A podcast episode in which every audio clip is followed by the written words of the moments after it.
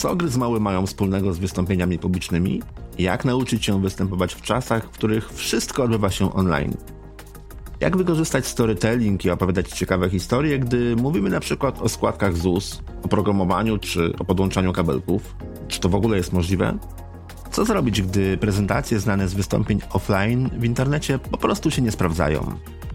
Gdzie przychodzą najciekawsze pomysły i dlaczego Maciek płaci duże rachunki za wodę? A tym wszystkim już za chwilę. Słuchasz audycji Jak zrobić podcast. Rozmawiam w niej z podcasterami oraz z osobami, które pomogą Ci prowadzić lepszą audycję, zdobyć więcej słuchaczy i wznieść swój podcast na wyższy poziom. Więcej materiałów na ten temat, w tym artykuły, filmy, wideo i podcasty znajdziesz na stronie jakzrobićpodcast.pl. Ja nazywam się Krystian Zych i zapraszam Cię serdecznie do wysłuchania dzisiejszego odcinka. Dzisiaj mam dwóch gości. Dzisiaj jest to Ania Kędzierska i Maciek Ciechocki.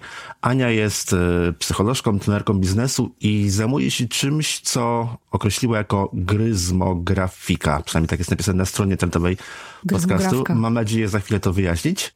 Gryzmografka. Gryzmografka. Tak, Gryzmografka. takie trudne słowo. Ja mam taką tendencję, że wymyślam sobie różne y, słowa, a potem pojawia się znak zapytania, jak je zdefiniować, ale mam nadzieję, że dzisiaj będzie ku temu okazję. To za chwilkę w takim razie spróbujemy sobie zdefiniować, kim jest gryz, gryzmografka i, i czym się zajmuje. E, I drugi gość, e, Maciek Ciechocki, trener biznesu, twórca narracji, narracji i storyteller. I razem prowadzą podcast pod tytułem Opowiedz to. Macie bardzo ciekawą domenę. Opowiedz.to. Nie .pl, nie .com, tylko .to. Pomysłowa, podoba mi się. Te wyspy Tonga, jak się okazało, przyszły nam z pomocą i pozwoliły na taką zabawę słowem i dzięki temu jest rzeczywiście opowiedz.to. A wiesz aż muszę sprawdzić, gdzie to jest, bo przyznam, że tak nie do końca. Nie jestem w stanie za bardzo to umiejscowić. To jest gdzieś koło Nowej Zelandii, coś mi się kojarzy, tak? To jest gdzieś tam. A, wiesz co, ja powiem tak, jestem nie wdzięczny, wiem, że mówisz, że musisz wiem. sprawdzić, a nie pytasz mnie, gdzie to jest, bo miałbym podobny kłopot. Aha. Oczywiście sprawdzałem, jak kupowaliśmy, ale takie informacje akurat Aha. z mojej głowy szybko wylatują. No w każdym razie zauważyłem, że nie .pl, nie .com, nie te najpopularniejsze takie właśnie, tylko, tylko opowiedz to. Y, rozumiem, że domena również w pewnym sensie wpisywała się w to, co robicie, bo zajmujecie się opowieściami. Tak, zajmujemy się opowieściami. E, tutaj, żeby było kompletnie, to powiem, że opowiadamy słowem i obrazem. Stąd ta gryzmografka, która już się przewinęła i zakładam, że będzie e, okazja ku wyjaśnieniu tego słowotworu. Rzeczywiście opowiadamy, tworzymy narrację e, dla szeroko rozumianego biznesu, ale nie tylko. No i, i, sami opowiadamy. I z tego jakoś tak prostą drogą doszliśmy do, do, do, podcastu, który też o tym traktuje. Właśnie o mówieniu do ludzi, o ludziach i co najważniejsze po ludzku czyli opowiadaniu. Do podcastu za chwilę dojdziemy, ale ta gryzmografka strasznie mnie mm, tutaj teraz męczy. Opowiedz, Aniu, kto to jest, czym się zajmuje, o co w tym wszystkim chodzi? Gryzmografka to takie połączenie e, graficzki i gryzmolenia, dlatego że ja zajmuję się tworzeniem odręcznych wizualizacji, które nie są tak e, piękne jak te tworzone przez grafików, a jednocześnie nie są takim totalnym gryzmoleniem, e, jak to robią w wielkim ferworze radości trzyletnie dzieci. Łącząc odręczne wizualizacje mhm. z takim zamiarem opowiadania obrazem, wspierania komunikacji poprzez wizualizację, no właśnie tym się zajmuje gryzmografka. Gryzmoli, ale po to, żeby nie tylko było miło i przyjemnie, ale też po to, żeby wzmacniać, ułatwiać zrozumienie, ułatwiać proces tłumaczenia, pomagać zapamiętywać e, też ludziom i opowiadać czasami o tym, co jest e, trudno powiedzieć słowem, bo na przykład budzi zbyt duże e, emocje, albo obawiamy się, że dany komunikat może kogoś zaboleć albo przestraszyć. A możesz podać konkretny przykład, kiedy się tego typu gryzmoły wykorzystuje? W biznesie, przyznam, bardziej mi się kojarzą prezentacje i to takie sztywne bez animacji niż gryzmoły. A no widzisz, a gryzmolić można na prezentacji. My przygotowujemy z Maćkiem dla naszych klientów prezentacje, które oparte są o odręczne wizualizacje. No i wiesz co, jak myślę sobie o takiej ostatniej naszej realizacji, kiedy mówiliśmy o rzeczach z mojej perspektywy, ja z wykształcenia jestem psychologiem, nie do ujęcia swoim małym rozumkiem, a były to przepisy związane z mhm. zasiłkami ZUS, Czyli no, pewnie czuję, że to jest taki temat lekki, łatwy i przyjemny w cudzysłowie. No tak, oczywiście. Na opowieść do parku. Jak idziemy do parku na spacer, to możemy sobie wziąć właśnie na słuchawki na, jako Prawda? opowiastkę taką delikatną. Dokładnie to czujesz, a nasza klientka miała za zadanie przeprowadzić szkolenie z tego tematu. W dodatku szkolenie online. W ogóle te kontakty online są dosyć skomplikowane. Mhm. No i wspólnie wpadliśmy na pomysł i taką prezentację jej przygotowaliśmy, gdzie wszystkie przepisy, wszystkie kazusy prawne zostały ujęte w opowieść o rodzinie, w której są ludzie, a wiadomo, że przepisy ZUS też dotyczą ludzi. Oni byli narysowani mhm. E, momentami w sposób żartobliwy, taki wywołujący uśmiech, bo pewnie Maciek będzie miał okazję o tym dzisiaj opowiedzieć, dlaczego ten uśmiech, e, uśmiech w prezentacjach i w opowieści jest e, ważny. Więc trudny temat ugryziony odręcznymi wizualizacjami. Inna kwestia w biznesie, no to na przykład jest wdrażanie zmiany kiedy organizacja ma przełożoną wajchę i od dnia X ma zacząć robić coś zupełnie inaczej. No i można to ogłosić, proszę Państwa, od dzisiaj było taka, jest teraz tak, albo pokazać to dwuminutowym filmem, w którym jest metafora, w którym są odręczne wizualizacje budzące takie dobre, miłe skojarzenia. No i dzięki temu mamy szansę już w tym pierwszym kontakcie z odbiorcą pomóc mu przejść przez opór, opuścić tą gardę oporu. No, zmiana to jest coś, co przynajmniej z mojego doświadczenia praktycznie w 100% y, spotyka się z ogromnym protestem i właśnie z takim oporem strasznym ze strony osób, których ta zmiana potem dotyczy.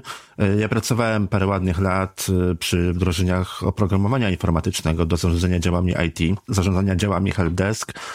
No i czasami nawet wprowadzenie innego sposobu komunikacji z działem IT, innego sposobu wysyłania maili, e, zgłaszania jakichkolwiek komunikatów, to budził straszny sprzeciw e, innych niż IT zespołów i właśnie mi zmiana osobiście zawsze bardzo źle się kojarzy jako coś takiego no bardzo nieprzyjaznego e, osobom, których ona dotyczy. Zmianą się Maciek zajmuje, tak? E, to znaczy, wiesz, więcej mniej. Zajmujemy się tym razem, e, wnosimy każdy, każdy mhm. swoje. Moja droga jest dość pokrętna, bo ja zaczynałem od automatyki i robotyki. Takie mam e, wykształcenie pierwotne. A mówię o tym dlatego, że jak słuchałem, jak ty opowiadałeś o wdrażaniu zmiany chociażby w tych helpdeskach i tego typu działach, to dla mnie to idzie w parze, bo człowiek z biegiem lat staje się zbiorem schematów i automatyzmów działania. Dlatego ja się śmieję, że ta moja automatyka mhm. i robotyka jest najlepszym możliwym wykształceniem, jakie predysponuje mnie do pracy z ludźmi, no, bo rozumiem automatyzmy działania. E, I to jest tak, taka, taka przewrotność, ale, ale to się bardzo łączy, dlatego że to, co my obserwujemy, a ja rzeczywiście przez lata jako konsultant i trener wspierałem biznes we wprowadzaniu zmian, albo inaczej, na sztandarze niosłem, że wspieram wdrażanie zmian. Rzeczywistość była taka, że sprzątałem po wdrożonych zmianach. Częściej uczestniczyłem w projektach, gdzie już się mleko wylało, czyli coś z tą zmianą poszło nie tak i trzeba było, nie wiem, uruchomić jeszcze raz ludzi, spowodować, żeby im się jeszcze trochę zachciało, albo żeby sobie sami odpowiedzieli na pytanie, czy to jest na pewno sensowne, niż rzeczywiście mhm. miałem okazję tą zmianę tak po Bożemu, zgodnie z modelami i dobrymi przekazaniami wprowadzać.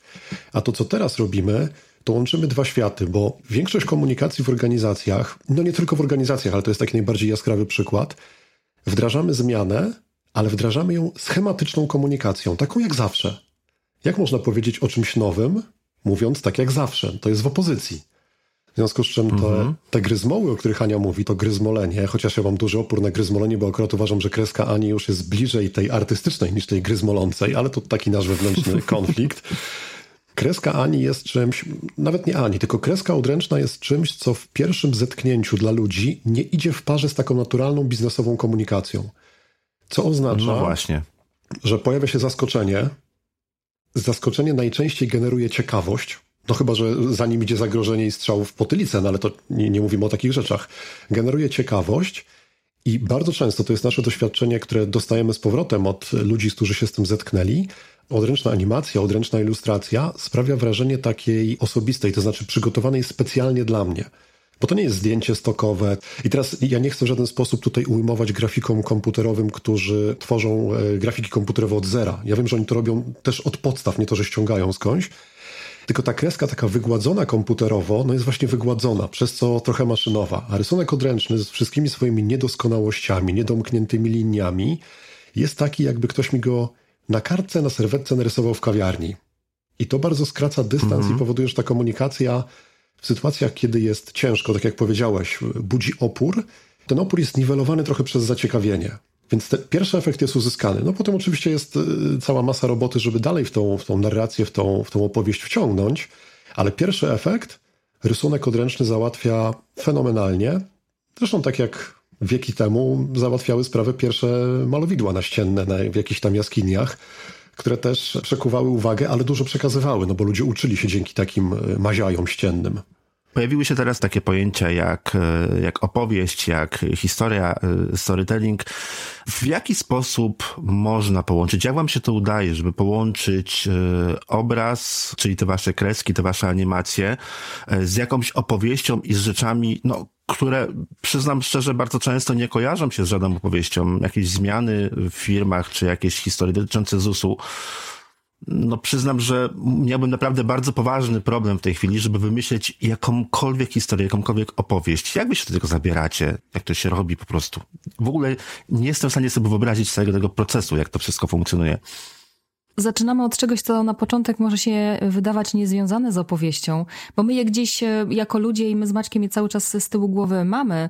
Natomiast e, zaczynając tworzenie, zadajemy sobie pytanie, kto tych opowieści będzie słuchać, dlatego że one zawsze mają do zrealizowania mhm. jakiś cel. To nie jest takie samo opowiadanie i rysowanie dla opowiadania i rysowania, tylko za tym często stoi zmiana, dotknięcie ludzkich emocji, zaciekawienie ludzi tematem, sprzedaż idei albo produktu. Więc pierwsze to jest pytanie, po co my to robimy i kto tych historii będzie słuchał. No a potem te klocki zaczynają się układać zupełnie spontanicznie. Przychodzą do głowy metafory, zadajemy sobie często pytanie, przepisy ZUS są jak? Albo zmiana w tej organizacji dla ludzi jest jak? I to się zaczyna e, pleść, bo w, naturalny sposób my idziemy w stronę historii. To, że jest ta zmiana tu i teraz, to, że są te przepisy ZUS-owe albo po, co, po coś one są, one nie są takie oderwane y, od rzeczywistości. One są dla ludzi jakby nie było i zmiana też dotyczy ludzi, projekty generują ludzie, a to tylko nam się wydaje, że to są cyferki, tabelki, e, przepisy i paragrafy. Macie, podnosiłeś palec? Chciałem być jak zwykle szybszy, nie, nie starczyło mi cierpliwości, żeby dosłuchać do końca, o czym Ania mówi. A, a, dokładnie chciałem tak jakby wejść z tym, w czym Aniu spuentowałaś swoją wypowiedź, bo jak miałbym poszukać takiego jednego elementu, który powoduje, że nawet z takich suchych danych, no typu już te wspominane wielokrotnie przepisy zasiłkowe, e, zrobić historię, to oczywiście sprawdzić, do kogo e, mówimy, to, to, to jest w ogóle fundament. Ale druga rzecz, która mi przychodzi do głowy, to jest, żeby przypomnieć sobie, że wszystkie historie, które nas otaczają, czy w książkach, czy w filmach, czy w takich przekazach ustnych, których w ostatnich czasach coraz mniej, ale one są dla, dla nas jako dla gatunku absolutnie pierwotne, to te wszystkie opowieści są o człowieku, albo o czymś, albo o kimś, kto został spersonalizowany, ma emocje. Bo w takich narracjach, mhm. E, zwłaszcza tam, gdzie się robi poważnie, gdzie się robi biznesowo, my wpadamy w pułapkę mówienia o suchych danych. Dane nie wywołują emocji. Więc e, pierwsza rzecz, jak opowiedzieć historię, powołać do życia bohatera. Niech ktoś tą historię przeżywa, bo wtedy słuchacz, widz, niezależnie od tego, jakim kanałem tą historię będzie dostawał, ma z kim się identyfikować, komu kibicować, albo komu antykibicować. I to też jest ok, ale jego uwaga zaczyna być skoncentrowana na tej postaci, a co za tym idzie na przekazie, który my chcemy mm, dostarczyć. I myślę, że to jest ta największa różnica i największa pułapka biznesowa, bo przez lata pokutowało takie yy, przekonanie, że biznes to ma być taki suchy, konkretny, nieemocjonalny. Na szczęście ono już przechodzi do lamusa. Tak, w, garni w garniturze. Mhm, tak, najlepiej, tak. Szara garsonka, tudzież garnitur i bardzo, bardzo oficjalnie. Na szczęście to mija i zaczynają się pojawiać takie przestrzenie do ludzkiej twarzy biznesu. No dlatego myśmy sobie uknuli takie nasze. No, w zasadzie tak szukaliśmy słów, ale mówimy o misji. Po, po co w ogóle to robimy? I to jest, ujmuje się w słowach, żeby mówić do ludzi, o ludziach i po ludzku. I to robi mhm. w, w naszym, z naszego doświadczenia, w naszym przekonaniu kolosalną różnicę. No i tym po ludzku to u was pojawia się jeszcze dużo dowcipu. Przynajmniej tak słychać w waszych nagraniach. Nie wiem, jak to jest w tych materiałach, które prezentujecie potem swoim klientom, ale w waszych audycjach słychać jeszcze ogromny luz, dystans i mnóstwo uśmiechu. To było tak świadomie wplecione w całą tą historię? W pewnym sensie świadomie. To o tym Maciek, a, a, a ja zanim oddam Maciek tobie głos, żebyś ty naukowo mógł o tym uśmiechu powiedzieć. My obydwoje z Maćkiem lubimy puszczać oko do świata. Świat jest bardzo poważny. Mhm. W, w życiu każdego z nas dzieje się cała masa rzeczy, które mogą być przygnębiające.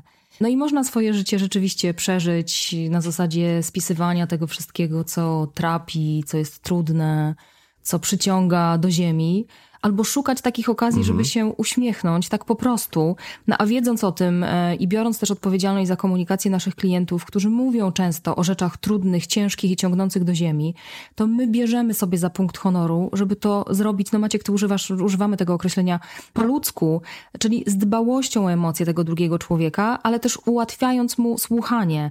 No a to słuchanie i zaangażowanie y, z uśmiechem jest nierozerwalnie związane i tu oddaję pałeczkę Maćkowi, żeby nie było że znowu spuentowałam tym, co ty chciałeś powiedzieć. Ależ nie, ja, ja sobie dam radę w razie czego. To Maciek będzie powtarzał. Tak, ja w razie czego będę parafrazował, to też y, w kontekście zrozumienia i zapamiętania tego, co najważniejsze, może być przydatne. To ja do dwóch aspektów, żeby już mm. może rzeczywiście nie powtarzać tego, co Ania powiedziała, z czym się absolutnie zgadzam. Pierwsza rzecz bardzo techniczna. Nasze umysły, żeby być skoncentrowane, potrzebują dużo energii, czyli krótko mówiąc, używają glukozę. I pojawia się taki moment, kiedy nasz umysł, świeci mu się taka metaforyczna kontrolna lampka na zasadzie zużywasz dużo energii. Krótko mówiąc, pada polecenie odłącz pozostałe systemy, no bo trzeba, gdzieś tę energię trzeba oszczędzić. No ale ponieważ umysł mhm. sam najwięcej tej energii w tym procesie zużywa, to prędzej czy później sam sobie wydaje polecenie restartu. I to jest ten moment, kiedy na przykład stoimy przed dużą grupą. No my jako podcasterzy możemy to sobie tylko wyobrażać. Nie wiemy tak naprawdę, jakie miny mają w tej chwili nasi słuchacze. Liczymy oczywiście na pełne zainteresowania. No ale jak stoimy e, przed, e, na sali przed audytorium i widzimy takie twarze tęskniące za rozumem, e, patrzymy na przykład na ludzi, którzy z fascynacją analizują konstrukcję tapety takiej z lat 70. gdzieś tam w hotelu, mm -hmm. no to możemy dostać taki sygnał, że, że coś nie idzie po naszej myśli, że, że, że gdzieś to może nie trafiać. I tutaj z pomocą przychodzi coś, co często wśród mówców jest nazywane odśmiechiwaniem. Czyli co parę minut, to bardzo łatwo można zidentyfikować, jakby się włączyło sobie jakieś przemówienie, dajmy na to z jakiegoś TEDxa, ale w języku, którego absolutnie nie znamy. No bo wtedy nie, nie pochłonie nas treści, możemy skupić się na, na właśnie na tym, o czym mówię. I jest duża mhm, szansa, formie, że. Tak? tak, jest duża szansa, że wychwycimy wtedy, że mniej więcej, co nie wiem, dajmy na to w przedziale 3-5 minut, publiczność może nie wybucha śmiechem, ale przynajmniej taki szmer śmiechu przechodzi przez salę. To nie jest przypadkowe, to jest takie taktowanie odśmiechiwaniem, które służy temu, że w momencie, kiedy ja się zaczynam śmiać, to po pierwsze dotleniam się, co jest potrzebne naszemu umysłowi, żeby dalej funkcjonował. Po drugie, śmiech daje dysocjację, czyli odsunięcie od trudnych emocji. Czyli wracam znowu do tego, czym my się specjalizujemy, e, czyli w tych tematach no, niekoniecznie łatwych, bo zmianowych to też nie sztuka o to, żeby tylko i wyłącznie dociskać. Dociskać komunikatem na przykład, że nie wiem, wyzwanie, trudno, to jest nasza ostatnia szansa, wiesz, takie patetyczne komunikaty, co pasują do, do mównicy i, i generalskiego munduru. Cała zabawa polega na tym, mhm. żeby powiedzieć to, co jest trudne, czyli ja to metaforycznie nazywam docisnąć, ale zaraz potem puścić i wręcz przeskoczyć na drugą stronę skali, żeby pojawił się ten uśmiech, no bo jak się zrobi tylko trudno, to ludzie się okopią na barykadach. Sam bym się okopał, wcale się nie dziwię no nikt mi nie będzie mówił, że moje życie ma być trudne. Nie? To nie jest rodzenie jeża, które musi mhm. boleć. To, to, to nie o to chodzi. To, to, to ma być zrobione taką, taką troszkę huśtawką i dlatego ten śmiech jest ważny. To jest jedna rzecz. A druga rzecz jest taka, i teraz mam pełne przekonanie, że to, co powiem, jest rzeczą subiektywną i względną. Natomiast ja najlepiej odbieram te osoby, tych liderów, tych mówców, tych kumpli i koleżanki, którzy mają coś takiego jak dystans do siebie mam głębokie przekonanie, że dużo lepiej słucha się ludzi, którzy w pewnym sensie ten dystans do siebie prezentują. I wiem, że nie mhm. każdy tak ma, no bo też mam przekonanie, że nie ma jednej metody, jednego narzędzia, które będzie absolutnie uniwersalne, ale mnie się podoba świat, który budują ludzie, którzy mają dystans do siebie i do innych. Mam wrażenie, że jest mniej napinki w wielu, wielu obszarach Stąd też e, z takiego dystansu do siebie wynikają te nasze luźne podejścia nawet do trudnych tematów. Przynajmniej staramy się, żeby tak było. To są takie dwie rzeczy, które bym dorzucił do tego, co, co Aniu powiedziałaś już o, o śmiechu i jego roli w, w komunikacji, przynajmniej w naszym podejściu. Mhm, no faktycznie, jak próbuję sobie teraz przypomnieć e, jakieś prelekcje, które w ostatnich miesiącach oglądałem, czy też których miałem okazję wysłuchać, to faktycznie ciekawsze były te, bardziej zapamiętałem te, gdzie prelegent, osoba, która robiła jakiś wykład, tak, prezentowała jakąś wiedzę, gdzie faktycznie wplatała to elementy jakiegoś dowcipu i nawet powiedziała kawał i, i miała dystans do siebie, niż takie rzeczy robione bardzo ja, biurko, wy, czyli takie z takim dystansem gdzieś po drodze. Nie? To faktycznie nie zwróciłem na to wcześniej uwagi, ale teraz jak mówiłeś właśnie, próbowałem sobie przypomnieć ostatnie, mm, ostatnie wysłuchane prelekcje, czy też prelekcje nawet zorganizowane przeze mnie konferencji Percaster z zeszłego roku, no to właśnie te z dystansem były ciekawsze. To fakt. Coś w tym jest ten punkt widzenia, jest, jak widzę, nas łączy, bo też wyobrażam sobie osoby, które wolą mieć pewne rzeczy poukładane, takie, takie beznamiętne i nie widzę w tym nic mhm. złego. No, mnie by było ciężko wtłoczyć się w taką ramę sztywną, no bo tak jak Ania powiedziała, wolę puszczać oko do świata. Nie zawsze wychodzi, żeby było jasne, ale, ale starać się, żeby to oko trochę przymrużone było. No więc to jest po prostu naturalne. A kolejną rzeczą, która za tym idzie, jeżeli już nawiązałeś do, no cały czas nawiązujemy do, do, do wystąpień publicznych jako do przykładów, no to myślę, że jedną z najważniejszych rzeczy to jest nie granie żadnej roli w trakcie takiego wystąpienia. Teraz nieważne, czy to wystąpienie będzie z dużej sceny, czy to wystąpienie będzie, no nie wiem, szef, który mówi do swojego zespołu, czy to wystąpienie będzie de facto w podcaście, przynajmniej tak ja to postrzegam. Jak gramy rolę, to prędzej czy mhm. później się w niej pomylimy. A jak jesteśmy sobą, no to po prostu tacy będziemy. Oczywiście ktoś nas może takimi nie kupić, no tylko pytanie, czy ja chcę e, udawać kogoś innego, żeby mnie ktoś kupił, czy to naprawdę jest jakakolwiek korzyść i zysk. Moim zdaniem nie. No ale ja mam już swoje lata, więc niekoniecznie chcę udawać e, zawsze dla wszystkich, jak ma być. To nawiązujesz do podcastów, to powiedz mi w jaki sposób, albo powiedzcie mi może Ania, w jaki sposób y, można wykorzystać te elementy, o których teraz mówicie, czyli właśnie opowieści, dowcip, umiejętność takiej prezentacji, często trudnej wiedzy w fajny, dowcipny sposób w podcastach albo w prelekcjach, które mówią o rzeczach, gdzie bardzo trudno jest wyłapać jakiś taki sympatyczny akcent. Nie wiem, podcast dla energetyków na przykład, albo podcast dla programistów, robotów. Coś takiego totalnie wyciętego z, z jakichkolwiek emocji. Czy da się tutaj wpleść również tego typu elementy? Czy chcesz powiedzieć, że świat energetyków jest wyzuty z emocji? Ja się z tym absolutnie nie zgadzam. ja wiem, że Teraz mi przyszło po prostu do głowy coś Aha. takiego. Z mojej perspektywy jest tak, że tych podcastów słuchają ludzie, a ludzie z natury rzeczy mają takie, powiedziałabym, sprecyzowane potrzeby. Oprócz tego, że chcą być najedzeni, wyspani i cała reszta, która z fizjologią się łączy, potrzebują odpoczynku. Mhm. Ten odpoczynek możemy im dać e, wtedy, kiedy słuchają ważnych rzeczy, no właśnie poprzez uśmiech, poprzez metafory. Potrzebują mieć też takie przekonanie, że są w stanie poradzić sobie z wyzwaniem, które się przed nimi pojawia. Jeżeli ich zapraszamy do zmiany, do spróbowania czegoś albo do kupienia czegoś, to potrzebują mieć w głowie taką przestrzeń, żeby się mogli z tym zmierzyć i zastanowić, a czy to jest dla mnie ważne, czy mi to pasuje, czy ja to znam, a może w zasadzie warto by było już wziąć nogi za pas e, i uciec od tego wszystkiego. No i temu służą opowieści, dlatego że one są wysycone tego rodzaju przeżyciami. To, co powiedział e, Maciek wcześniej, że im e, trudniejszy jest temat, tym większy jest sens stworzyć bohatera, który przez tą przygodę będzie przechodził. Można odwołać się do wspomnienia wspomnień ludzi, czy to energetyków, czy pracowników działu IT, którzy już bardzo prawdopodobne coś podobnego w przeszłości zrobili i opowiedzieć im historię o nich samych, żeby zobaczyli, że pewne rzeczy są jak najbardziej na wyciągnięcie ręki i nie takie y, przerażające. Okej, okay. to faktycznie może się okazać, że ten świat energetyków czy y, programistów, robotyków wcale nie będzie aż taki aż taki smutny, tak? Jeżeli jesteśmy przy świecie automatyków i robotyków, to ja mam taką swoją opowieść, która naprawdę z, z, zrodziła się w świecie automatycznym i robotycznym, kiedy miałem okazję mhm. zwiedzać fabrykę kremu Nivea w Poznaniu, jedną z większych w Europie, która na tenże wspomniany krem produkuje. I ta opowieść o tym zwiedzaniu jest dla mnie kanwą do tego, żeby pokazywać ludziom właśnie pułapki, w które my wpadamy w kontekście schematycznego działania. Wiesz, bo na końcu linii produkcyjnej, jak krem już jest wyprodukowany, to jest robot. Robot, który pakuje. Ten Krystian, nie, nie, nie martw się, nie będę tutaj we wszystkie szczegóły robotyczne wchodził, nie będziesz musiał tego potem wycinać, nie będzie ten. Ale wiesz, jest linia produkcyjna, jadą słoiczki, no i do tych słoiczków jest nakładany krem. Tam jest jeszcze naklejana naklejka, nakrętka, idzie, bo to te słoiczki Nivea, ale nie w niebieskich pudełeczkach, tylko w, w słoikach rzeczywiście. No i jak ja tą linię oglądałem, to nawet nam spowalniali, żebyśmy zobaczyli sekwencję ruchów robotów, bo to się dzieje tak szybko, że inaczej tego nie widać. No i robot, wiesz, no, robi to szybciej, wolniej, wykonuje powtarzalną sekwencję ruchów i ma krem. No, może być szybciej. Powtarzalna sekwencja ruchów krem albo wolniej.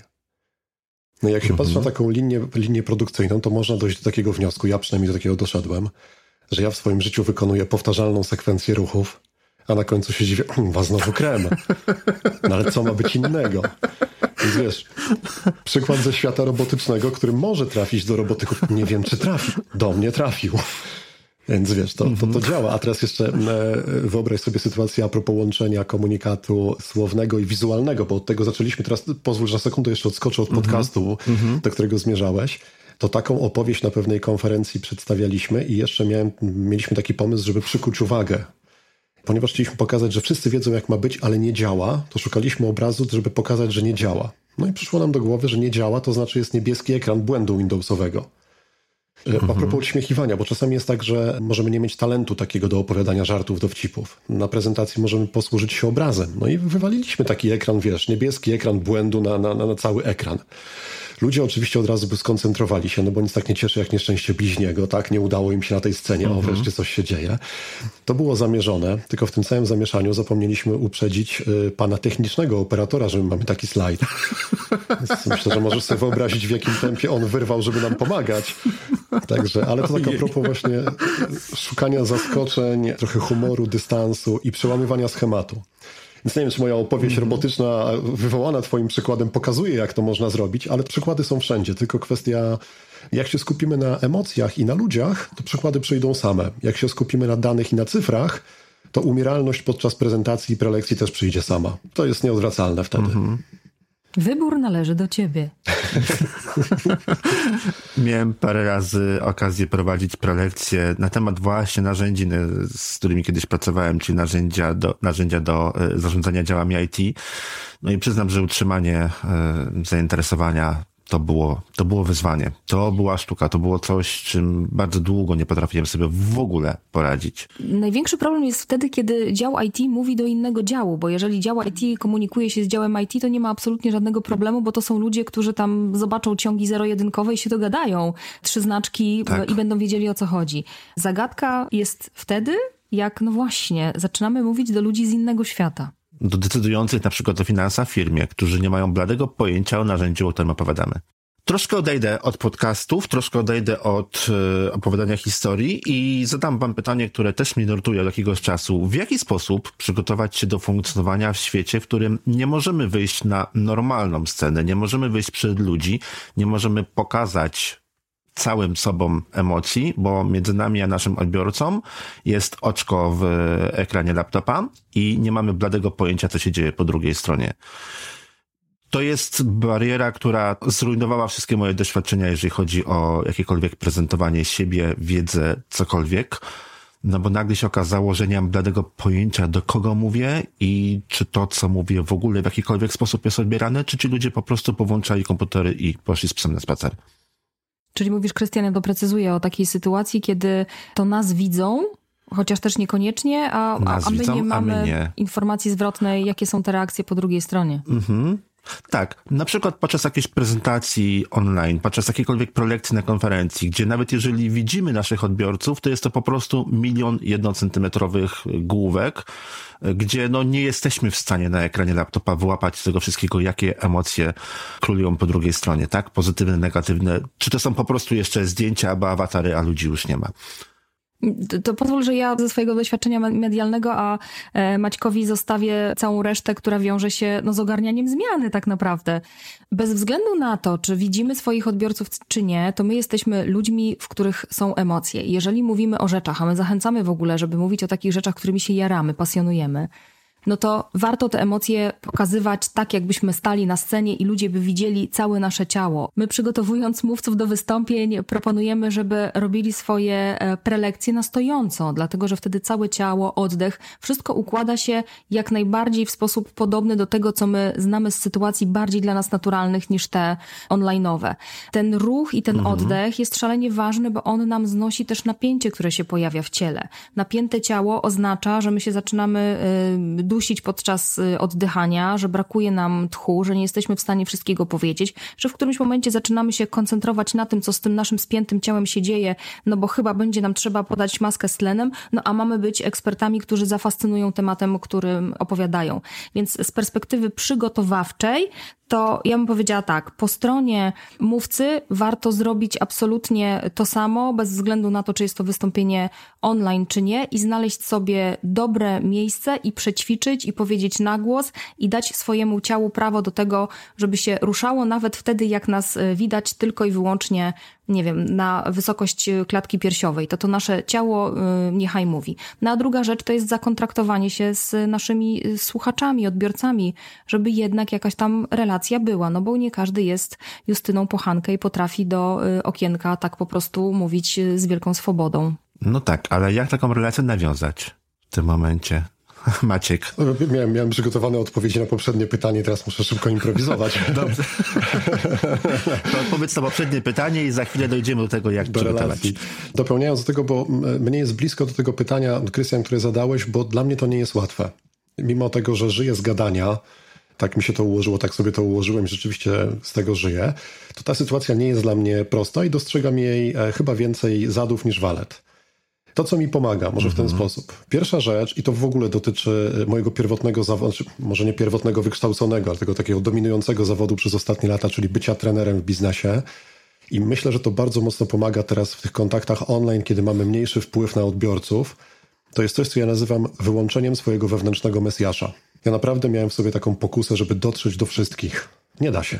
Jak ktoś nie chce, to czy będzie przed oczkiem kamery, za oczkiem kamery, czy będzie oglądał Netflixa, czy będzie z psem na spacerze, czy jak mój sąsiad, skądinąd fantastyczny facet jeździ na rowerze, robi treningi w trakcie, kiedy jest na konferencjach i słucha, to ja tego nie zmienię. On tak chce. To jest jego sprawa. Moją sprawą jest raczej odwrócić myślenie i pomyśleć, że nawet jeżeli w tej grupie 100 osób, ty powiedziałeś o milionie sześciani- kwadracików, nawet jeżeli pod, pośród tego miliona kwadracików jest sześć, które chcą słuchać, to i tak warto bo oni świadomie wybrali, oni świadomie poświęcili mi swój czas, czyli dali mi jedną z najcenniejszych walut, jaka jest w dzisiejszym świecie. A reszta po prostu tego nie mhm. chce. I tyle. Także dla mnie wyłączenie mojego wewnętrznego Mesjasza ja nie muszę dla wszystkich. To jest tak naprawdę związane ze zmorą dzisiejszych czasów, e, z perfekcjonizmem. Większość z nas, e, teraz wiem, że uogólniam, ale to, to jest taka choroba naszych, naszych czasów, jak już wspomniałem.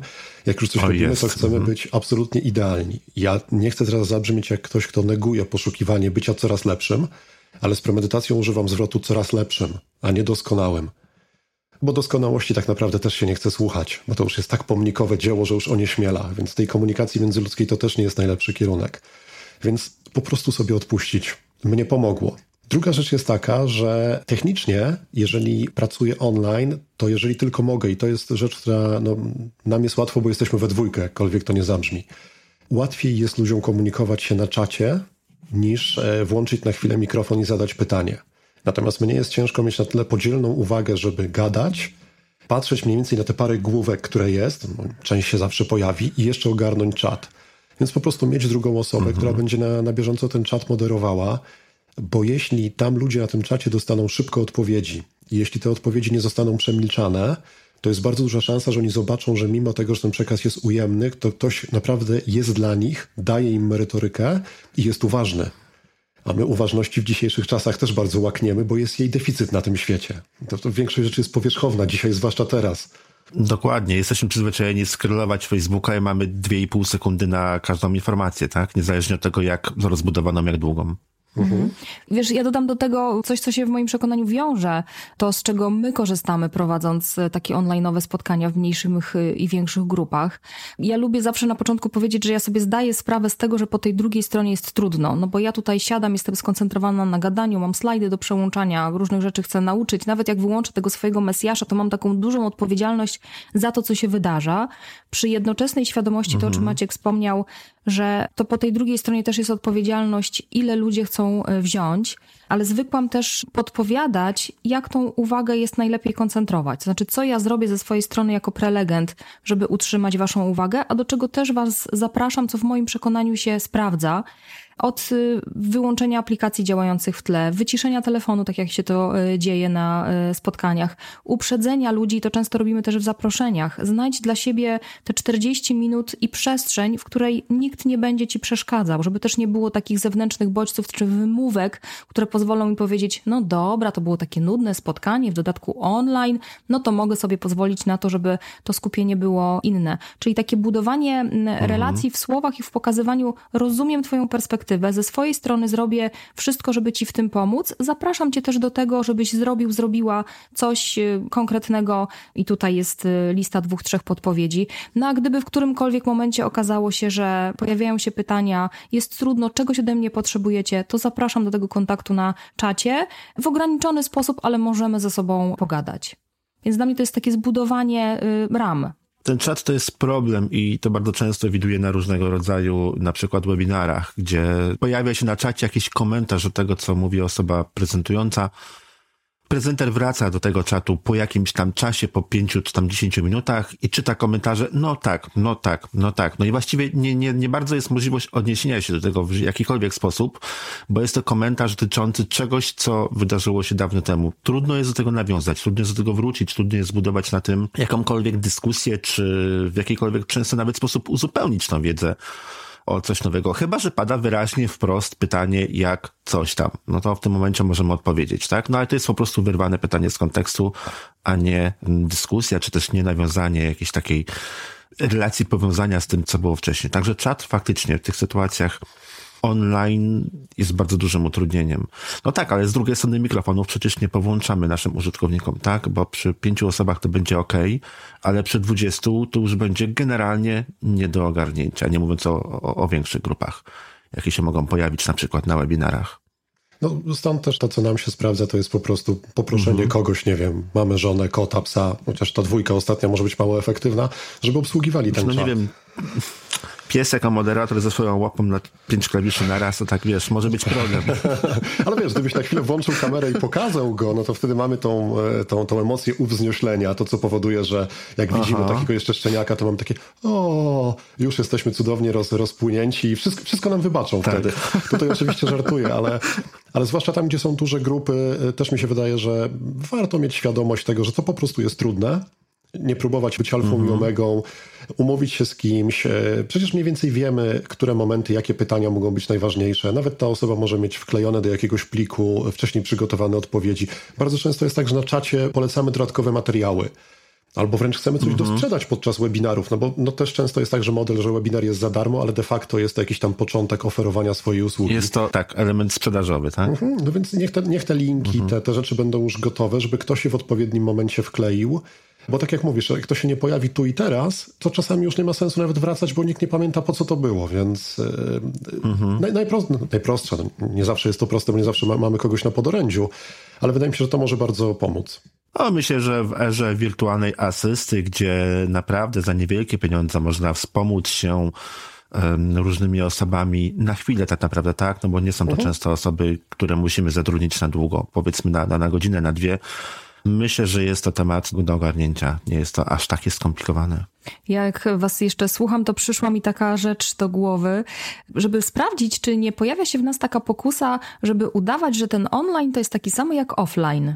No nie, to jest różna sytuacja i nawet powiedzenie ja wiem, że jest y, inaczej i wiem, jakie są moje ograniczenia. Mam wrażenie, że czyni z naszego spotkania taką uczciwą grę, bo ja niejednokrotnie spotykam się z takimi pytaniami, no jak to ogarnąć i jak słucham pytających, to mam takie wrażenie, że oni by chcieli, żeby to było dokładnie tak samo, ten sam poziom zaangażowania i żeby pomimo tego, że kamery i mikrofony są wyłączone, to żeby widzieli reakcję swojej publiczności, no więc próbują tym czatem, no ale ten mhm. czat to przecież na bieżąco się się nie da ogarniać. No jak masz przekonanie i nie masz wirtualnej asysty i nie ogarniesz, to powiedz, słuchajcie, pytania zbierajcie sobie na bieżąco, róbcie sobie notatki, a prośba będzie pod koniec naszego spotkania. Kwadrans zarezerwowałam na to, żeby e, na te pytania e, odpowiedzieć. Jeżeli okaże się, że mhm. nie zdążymy, to wtedy, nie wiem, nagram oddzielną swoją wypowiedź albo wyślę to e, mailem. No a jeżeli macie różnego rodzaju komentarze na bieżąco, to mój mail jest do waszej dyspozycji, porozmawiajmy po spotkaniu o tym.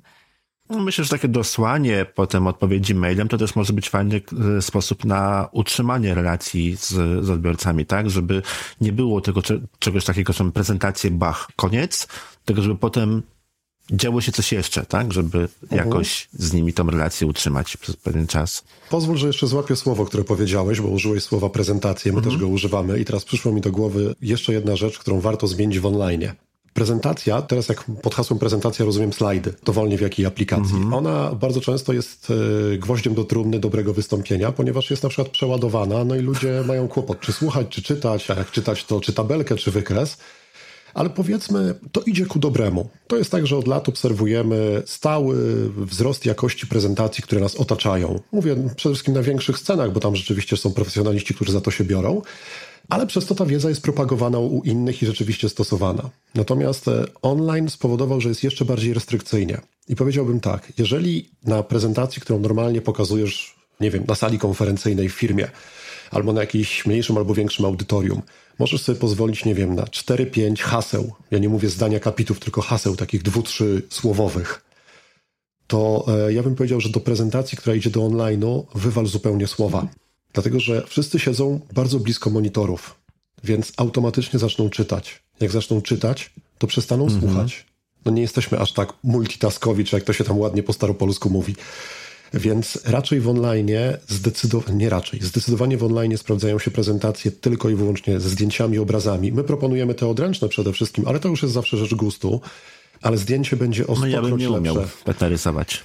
A to jest temat, z którym też moglibyśmy podyskutować, bo to okazuje się, że wbrew wszystkiemu wiele osób e, tak o sobie myśli, co nie znaczy, że tak jest. No ale to akurat ciężko nam będzie w kanale audio sprawdzić, czy rzeczywiście jest to tylko mhm. przekonanie, czy, e, czy, czy brak umiejętności. Do czego zmierzam? W online prezentacja tylko i wyłącznie obrazy i jeszcze jedna rzecz. Tą prezentację trzeba włączać i wyłączać. Bo w momencie, kiedy ja włączę prezentację i sam się schowam do małego kwadracika, to bardzo zabieram ludziom sygnał, że to jest e, w relacji, że tu jest szansa na kontakt. Oczywiście może być takie działanie w cudzysłowie mhm. odwetowe. Wy mi się nie pokażecie, to ja też się schowam za prezentacją, no ale to sobie robię krzywdę. Więc ważne, żeby tą prezentację, nie wiem, co dwa, trzy slajdy wyłączyć i poświecić trochę swoją twarzą na tym ekranie, żeby ludzie też człowieka zobaczyli z jego emocjami, z jego marszczącym się czołem, jak szuka słowa. I potem znowu włączyć prezentację, bo zmiana bodźca zwiększa koncentrację. Natomiast jak to jest ten sam bodziec przez cały czas, no to my zasypiamy, no bo, no bo nic nowego się nie dzieje. Trafna uwaga, super, to mi się podoba, to będę musiał zapamiętać. Znaczy ja wprawdzie sam osobiście bardzo nie lubię korzystać z prezentacji takich powerpointowych i wszędzie gdzie się da, to nie korzystam. Czasami się niektóre osoby na mnie obrażają, że jak to nie będzie prezentacji, ale dobra uwaga, muszę to sobie zapamiętać, zapisać gdzieś na przyszłość. Przejdźmy do podcastów, bo jak już jesteśmy przy tym online, to już do podcastów mamy dosyć blisko. Skąd u was pomysł, żeby mm, nagrywać w ogóle podcast? Opowiedzcie historię. To pewnie są dwie osobne historie, bo ani doświadczenia przed mikrofonem są niewspólnie, niepomiernie większe niż moje. Ale te historie rzeczywiście się zbiegają. Ale skoro mama uczyła, że panie przodem, Aniu, to jakbyś od swojej zaczęła, a ja dołączę ze swoją w pewnym momencie. Ale nie powiesz potem, że już wszystko zostało powiedziane? No, no właśnie, Maciek, ja ci będę e, zapraszała do tego i nakłaniała, żebyś to ty jednak pierwszy, bo tak to ja ciągle ja się wyrywam z tymi odpowiedziami i taka się czuję zawłaszczająca tą przestrzeń. No poza tym od, odpowiadania historii to jesteś ty, więc y, proszę bardzo Maciek przodem. No dobrze, to ja żeby nie, nie, nie przedłużać, to dla mnie to są dwie rzeczy w moim przypadku. Pierwsza rzecz to jest marzenie, a druga rzecz to jest lenistwo. Lenistwo w ogóle jest elementem, który napędza o. ludzkość od zarania dziejów. Jung powiedział, że największą pasją mm -hmm. ludzkości jest lenistwo. No, kimże ja jestem, żeby zaprzeczać słowom takiego dżentelmena. Lenistwo wynikające z tego, że nigdy nie udało mi się utrzymać regularności w pisaniu bloga. A po pierwsze, lubię, chyba lubiłem, powinienem powiedzieć, lubiłem zawsze pisać, a po drugie, no, wszelkie kanony budowania marki, wizerunku w dzisiejszych czasach e, gloryfikują formę właśnie wymieniania się wiedzą z, z, z naszą siecią, chociażby za pomocą bloga. No ale to mi szło jak e, krew z nosa i to po słabym uderzeniu. No i podcast pojawił się jako prostsze rozwiązanie, bo jest mniej, chociaż nie wiem, czy jest mniej czasochłonny, ale tu wchodzi druga rzecz, czyli marzenie. No, to zależy. No właśnie tak, tak podejrzewałem, że sam, sam sobie tutaj strzelam w kolano i zaraz, e, Krystian, wychwycisz tą nielogiczność i tak się rzeczywiście stało, ale, ale już, już mam, na to, e, mam na to gotową odpowiedź, bo myślę, że odpowiedzią jest to drugie słowo, czyli marzenie. Ja zawsze chciałem mhm. popracować e, przed mikrofonem w, i teraz się zaciąłem, bo nie wiem jak się odmienia, w radiu czy w radio? W radiostacji jakiejś, może tak wybrnę z tego. Znaczy, no myślę, że słowo radio tu już się normalnie odmienia, już tak jak, tak jak po polsku, po prostu w radiu. Okej, okay, no to w takim razie zawsze chciałem popracować w radio radiu. Tam chciałem pracować. E, i, i, w rozgłośni radiowej. Tak, o dziękuję. I jakoś nie było mi to dane. To znaczy, był taki moment, że w moim małym miasteczku powstała lokalna rozgłośnia. Ja poszedłem, nawet się dostałem, nawet poprowadziłem pierwszą audycję i radio padło. Więc nie wiem, czy to mi coś powinno powiedzieć, czy to jest tak zwany zbieg okoliczności. No więc podcast jest dlatego dla mnie prostszy niż pisanie bloga, w którym miałem problemy z regularnością, że mnie autentycznie kręci w bardzo pozytywny sposób podnosi puls moment, kiedy siadam i włączam mikrofon. I to są dwie rzeczy, które no, złożyły się idealnie w całość, e, plus poza tym, no, że żyjemy z tego i chcemy mieć klientów, co jest zupełnie normalne, więc to też pokazywanie się światu ma element marketingowy, mhm. nie ma co tego ukrywać. Ale naprawdę w pewnym momencie nazwaliśmy sobie, że mamy taką misję, taką, tak, takiego chciacia, żeby pozbawić świat y, suchej, nudnej, bezemocjonalnej komunikacji. Trochę tak te Don Kiszoty, co ruszyły na wiatraki. No i znowu podcast stał się narzędziem, które pozwala nam opowiadać o tym, jak naszym zdaniem warto mówić, w nadziei, że do kogoś to mhm. trafi, kto to kupi, no bo też mamy pełną świadomość, że nie każdy takie podejście do komunikacji musi kupować, bo tu nie ma jednego aksjomatu. Więc e, marzenie, lenistwo mnie doprowadziło do tego, że podcast pojawił się w mojej głowie. Taka jest moja historia. Moja jest podobna, czyli zupełnie inna. Ja marzyłam o tym, żeby opowiedz.to miało swój kanał na YouTubie. I marzyłam o tym, żebyśmy e, robili krótkie filmy, w których będziemy się z ludźmi dzielić tym, co wiemy o wystąpieniach, o prezentacjach, o mówieniu do ludzi, bo niewątpliwie to wszystko jest ciągle podszute tym poczuciem misji i tą chęcią dzielenia się ze światem tym wszystkim, czego my żeśmy się dowiedzieli i co na własnych skórach żeśmy niejedne wciry dostali za popełnienie pewnych błędów. To my już to wiemy i mamy taką potrzebę, żeby teraz się tym e, podzielić. Ale ja marzyłam o kanale na YouTubie, ja marzyłam o tym, żebyśmy występowali. No ale okazało się, że to jest nie do zrobienia, bo e, wymaga naszej obecności w jednym miejscu, a my jesteśmy z Maćkiem e, rozmieszkani po Polsce. Wymaga zdecydowanie innego sprzętu i któregoś dnia Maciek powiedział, słuchaj, a zacznijmy nagrywać podcast. I dla mnie to było takie, o matko, Zacznijmy nagrywać podcast. No oczywiście, przecież jakie to proste, przecież siadamy i gadamy. A ja z Maćkiem bardzo lubię y, rozmawiać. Mam takie przekonanie, że to są takie rozmowy, które płyną, które sprawiają mi frajdę, dają mi y, bodziec do szukania nowych rozwiązań, ale też jak y, rozmawiamy ze sobą bardzo podobnie podczas szkoleń czy spotkań z naszymi klientami, to też od nich słyszymy, że im to służy. No i tak nieskromnie mhm. założyliśmy, że z tego, co jest dla nas miłe, co jest dostępne, zrobimy narzędzie do tego, żeby pokazać światu, że są takie dwa ludziki, które mają siwe mm, brody, y, znają się na mówieniu do ludzi i robią to z pełnym przekonaniem i chętnie się tą wiedzą podzielą. I taka ci to była historia. I jak teraz po roku, po nie wiem, 30 chyba tak już odcinkach, to Prawie była dobra 30. decyzja? Tak, to była dobra decyzja. To jest coś, co daje mnóstwo frajdy i przyjemności. To jest coś, co nauczyło i coś, co wciągnęło w pułapkę bo e, jako, o, jak, jako raczkujący twórcy podcastu wpadliśmy, znaczy ja mogę powiedzieć za siebie, tym bardziej, że ja jestem w tym w bardzo dużym cudzysłowie działem IT w naszej firmie i w naszych działaniach wszelakich, wpadłem w pułapkę, wiesz, zaglądania do statystyk. Ni cholernych nie rozumiałem. Ojej. Nie wiedziałem, jaka cyfra jest dobra, jaka zła, który słupek powinien być na jakiej wysokości, ale w pewnym momencie złapałem się na tym, że dwa czy trzy razy dziennie zaglądam do tych statystyk. Na szczęście w pewnym momencie popełniliśmy błąd trochę się zagalopowaliśmy w tym e, skupieniu się na podcaście do tego stopnia, że tak jakby myślenie podcastowe przenieśliśmy w zupełnie inne miejsce.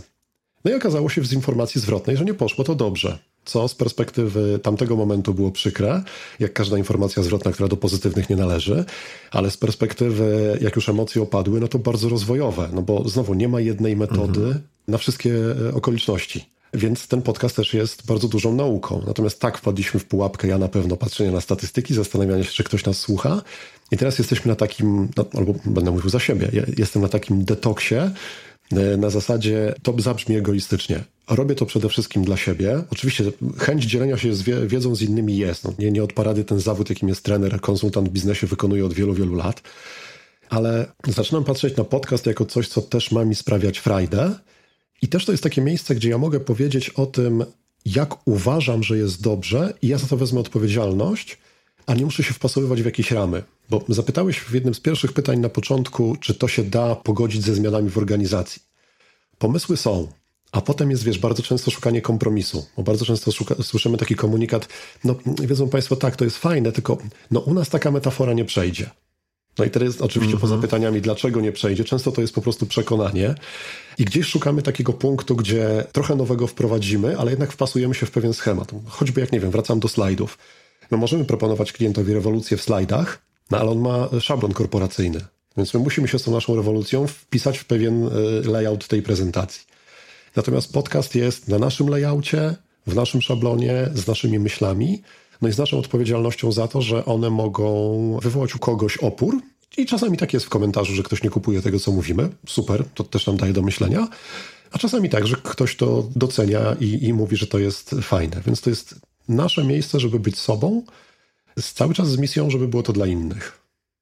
Czy po prostu na waszych zasadach, tak jak wy to chcecie? Tak, tak. Ja też nie, nie powiem, że ja to odkryłem. Pamiętam takie spotkanie kiedyś z, mhm. ze znajomą, która miała nam pomóc e, zrobić efektywne i efektowne profile na LinkedInie. I to było jedno z pierwszych ich zdań. Słuchaj, to są twoje social media. To ty decydujesz, co chcesz pokazać. I dla mnie, wiesz, to było takie, takie odkrywcze, jak to moje. Przecież ja to robię dla, żeby inni widzieli. No ale to ja decyduję, co chcę pokazać.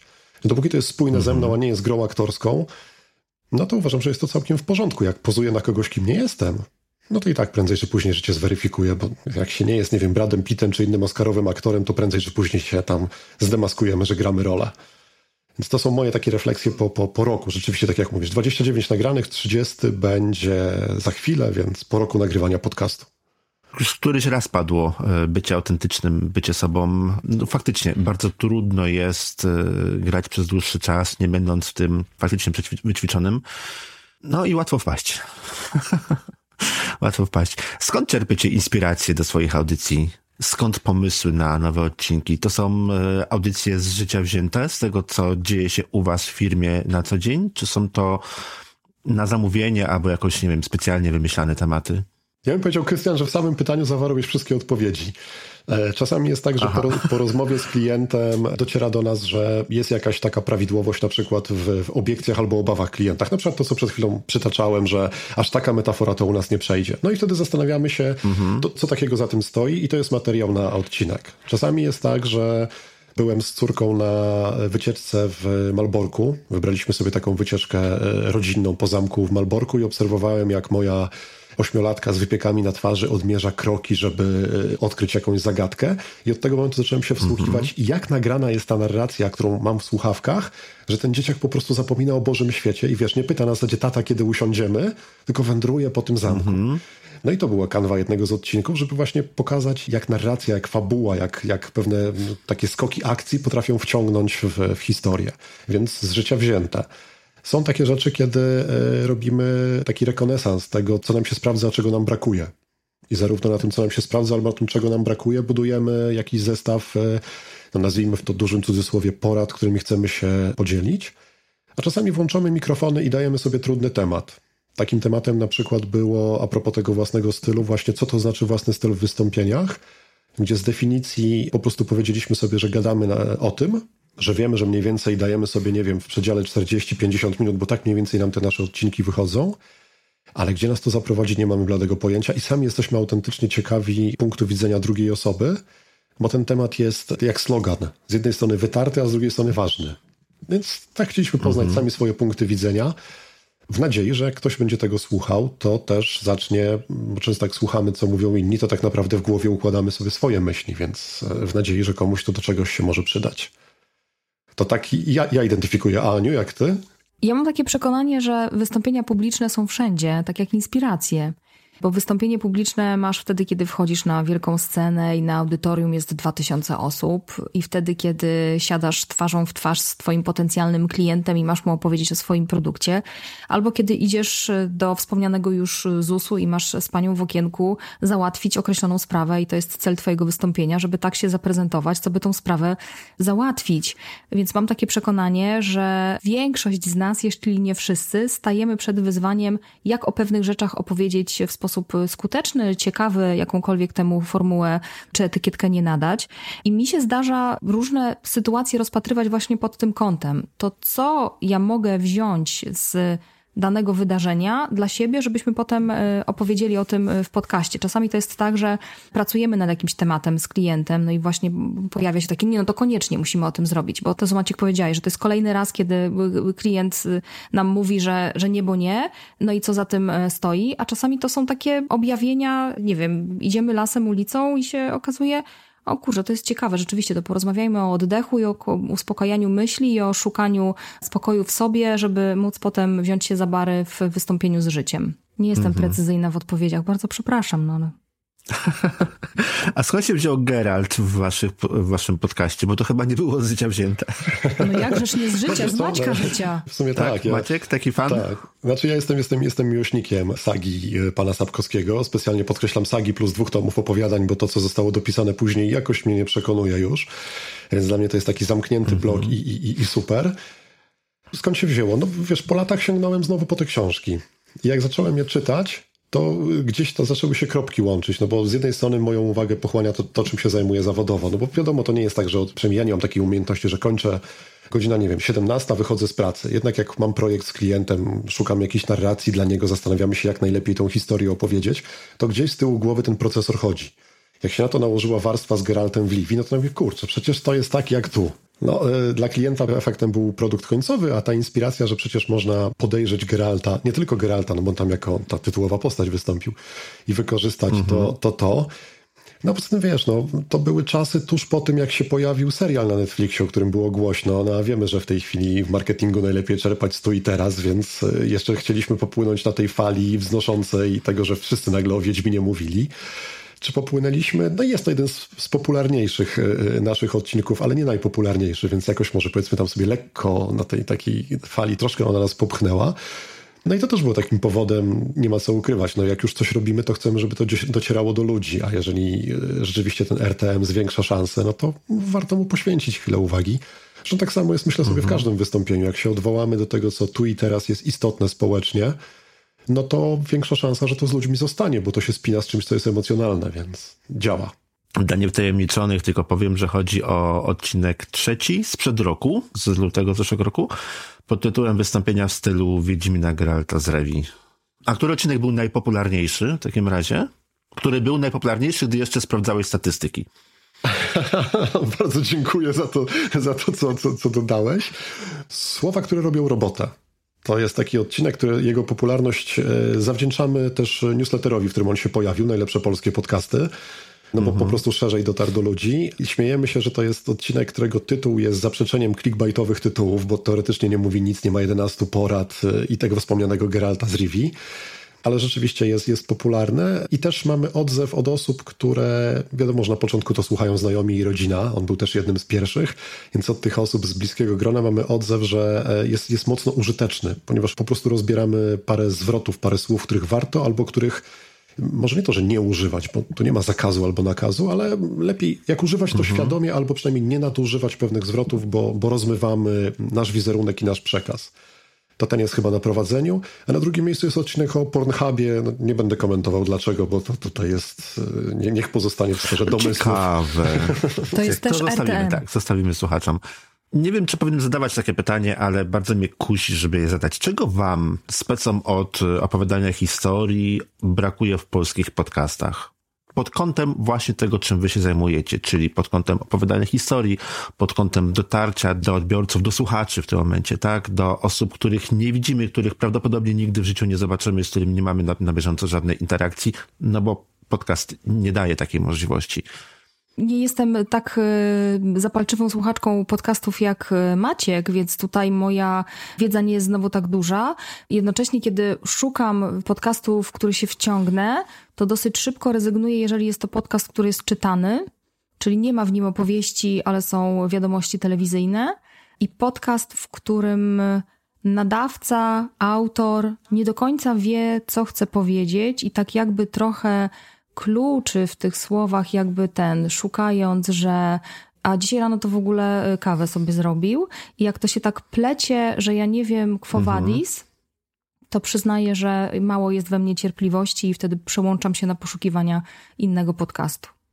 Podcastów jest bardzo dużo i przybywa. Na cały czas mamy kolejne piki i, i jest tego dużo, więc e, ciężko mi jest odpowiedzieć, e, czego mi brakuje, dlatego że znajduję sobie te, w których nie mam tych braków i z nimi zostaję.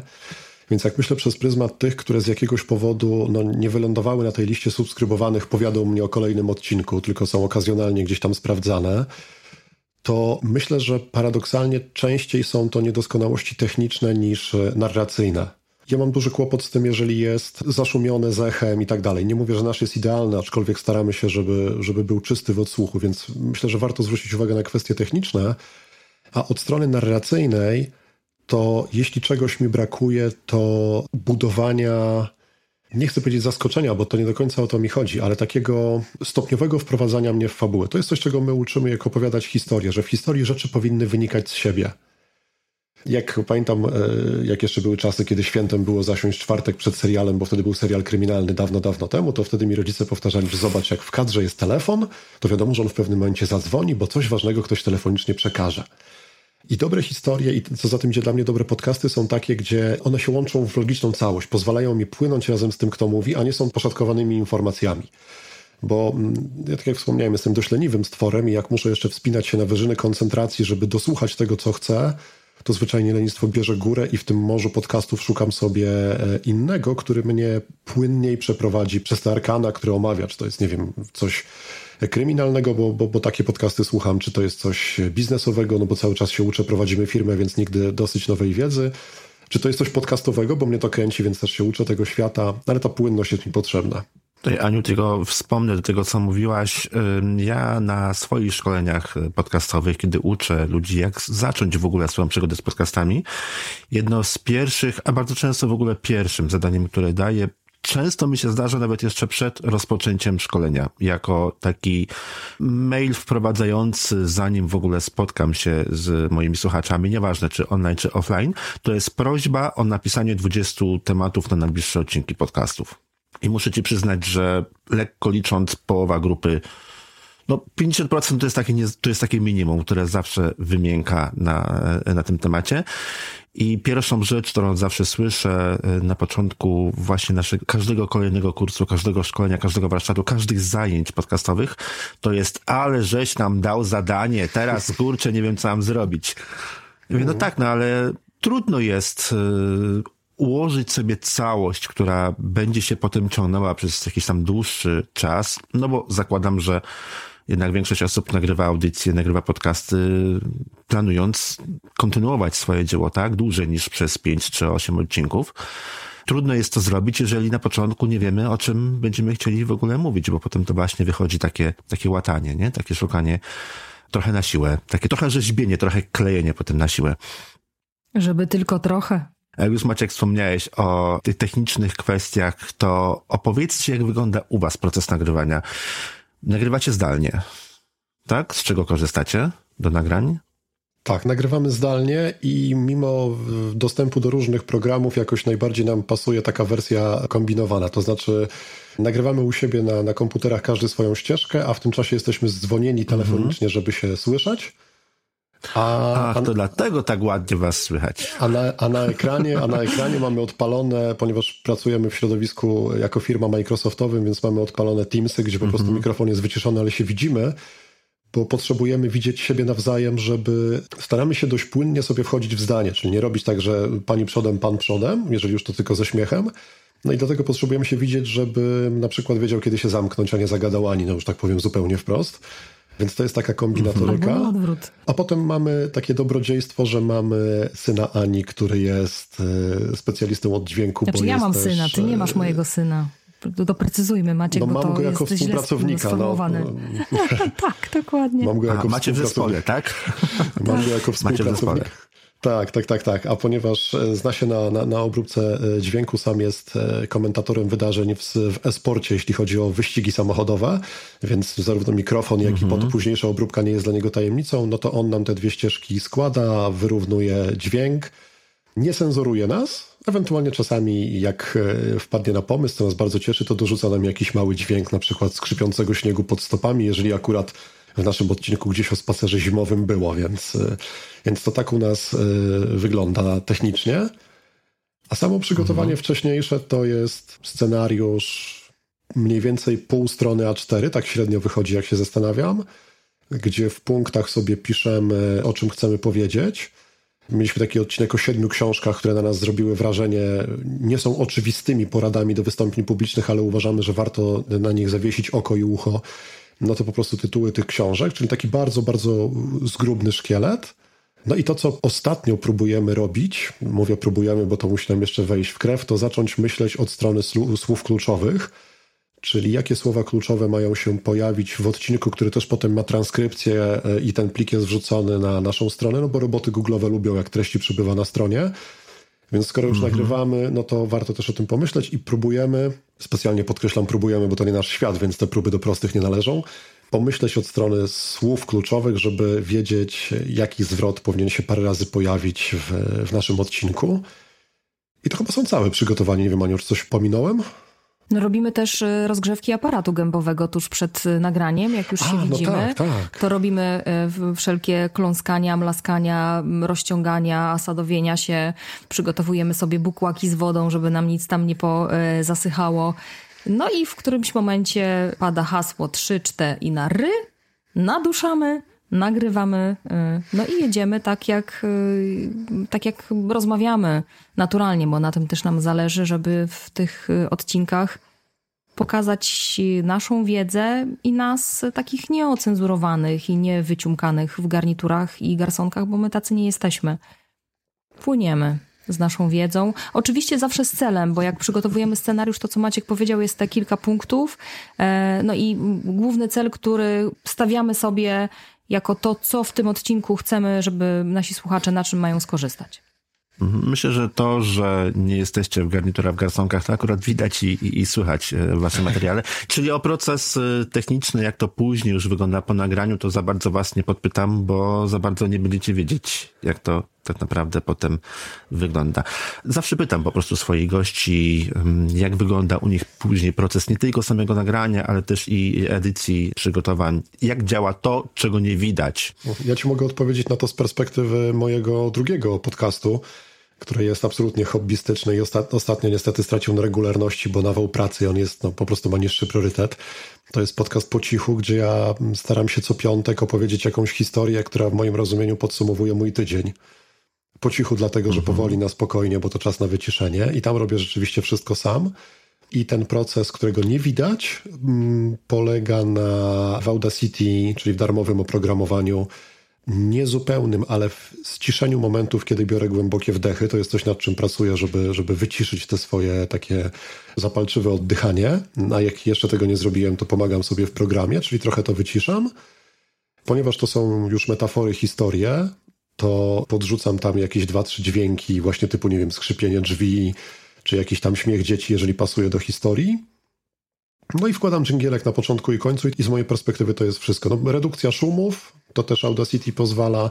Ostatnio oglądałem jakiś program, jak jeszcze zrobić, że w momencie, kiedy mam mniej drożny nos, co jest moją przypadłością, żeby troszkę sobie podbić basy, żeby ten głos y, niższy, a nie był taki spłaszczony, więc takie, takie, takie absolutne minimum. Redukcja szumów, jakaś normalizacja, spłaszczenie tych takich zapalczywych wdechów, a i wycięcie mlaśnięć, bo zdarza mi się, więc jak już słyszę takie mlaśnięcie, że mnie w, w uszy kuje, to staram się oszczędzić tego słuchaczom, więc y, to wycinam. Raczej zostawiam błędy językowe, na zasadzie, że to jest po prostu, też mam taki pomysł na mój podcast, że to nie jest y, opowieść książkowa, tylko to jest coś, co ja na bieżąco sobie układam w głowie i tak, tak to opowiadam. No i dwa, trzy mhm. dźwięki, żeby, żeby podkreślić najważniejsze momenty historii, więc ta, ta szumnie nazywana postprodukcja, chociaż to pewnie nadużycie tego słowa, to tak u mnie wygląda.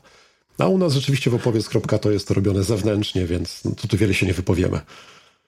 Okej, okay, to w takim razie na przykładzie Twojej audycji, jak długo zajmuje Ci e, przygotowanie takiego nagrania do publikacji? Albo jak długo wam razem zajmuje przygotowanie, no już pomijając w takim razie e, edycję i, i tak zwaną postprodukcję, jak długo zajmuje wam przygotowanie jednego odcinka, żeby mógł iść w świat? E, myślę, że to jest w sumie około podcasty, 4 godzin. Mhm.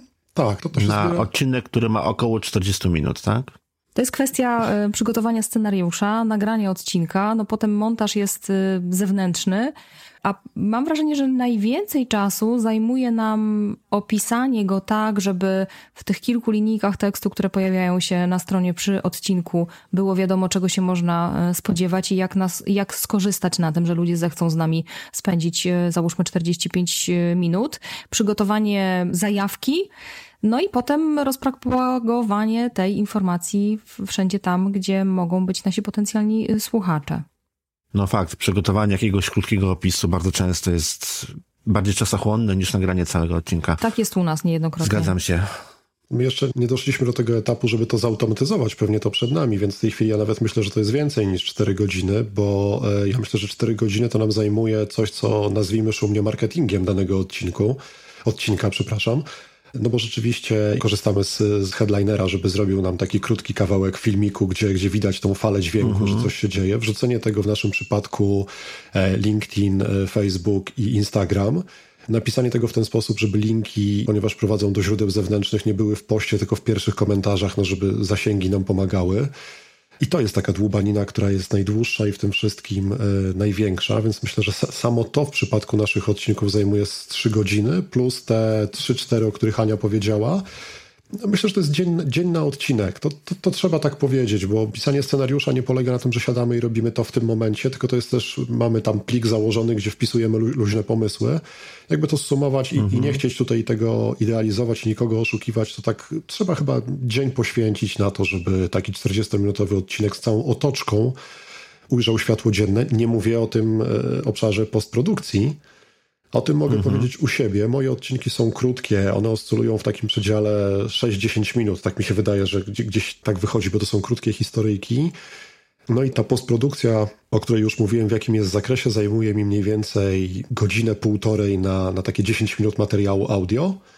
Plus potem drugie tyle na zrobienie właśnie tej zajawki filmowej, wrzucenie tego w media, więc ja ze swoim, ze swoim mhm. materiałem wyrabiam się powiedzmy w pół dnia, a nasz materiał firmowy to jest około dnia pracy. No tak, ale headliner, mimo tego, że bardzo dużo rzeczy automatyzuje, to jednak trzeba sprawdzić pisownie, tak? Czy przy transkrypcji wszystko gra, polskie znaczki, niektóre słowa są źle zrozumiane, interpunkcja leży w headlinerze, to też trzeba przyznać. Jest tam wbrew pozorom całkiem sporo poprawek i zrobienie minutowego filmiku też zajmuje przynajmniej 15 minut. No tak, jeszcze się czeka na niego, nie? Bo on tam się miele w tle, więc jest przestój. Mm -hmm. Dopóki się nie nauczy, że to po prostu trwa i w tym czasie można zrobić coś równolegle innego, no to to jest taki bezproduktywny czas. Jak ze wszystkim, no. Nie myli się ten, mm -hmm. kto mhm. nic nie robi, a kto coś robi, to się uczy najlepiej na swoich błędach. Ale tak więcej, no, takie czasy to zajmuje. I promujecie się głównie w mediach społecznościowych, tak? Tak. Na Facebooku, na Instagramie pojawia się taka informacja, no pojawia się też update na naszej stronie, no i oczywiście powiadomienia dla wszystkich subskrybujących na wszystkich chyba już teraz platformach podcastowych, wszędzie tam, gdzie można nas e, słuchać, słuchać podcastów, no to przychodzi powiadomienie. Ale głównie media społecznościowe i każdy z nas mhm. na swoim profilu na LinkedInie też do tego świata biznesowego wychodzi z informacją, że oto pojawiło się coś nowego.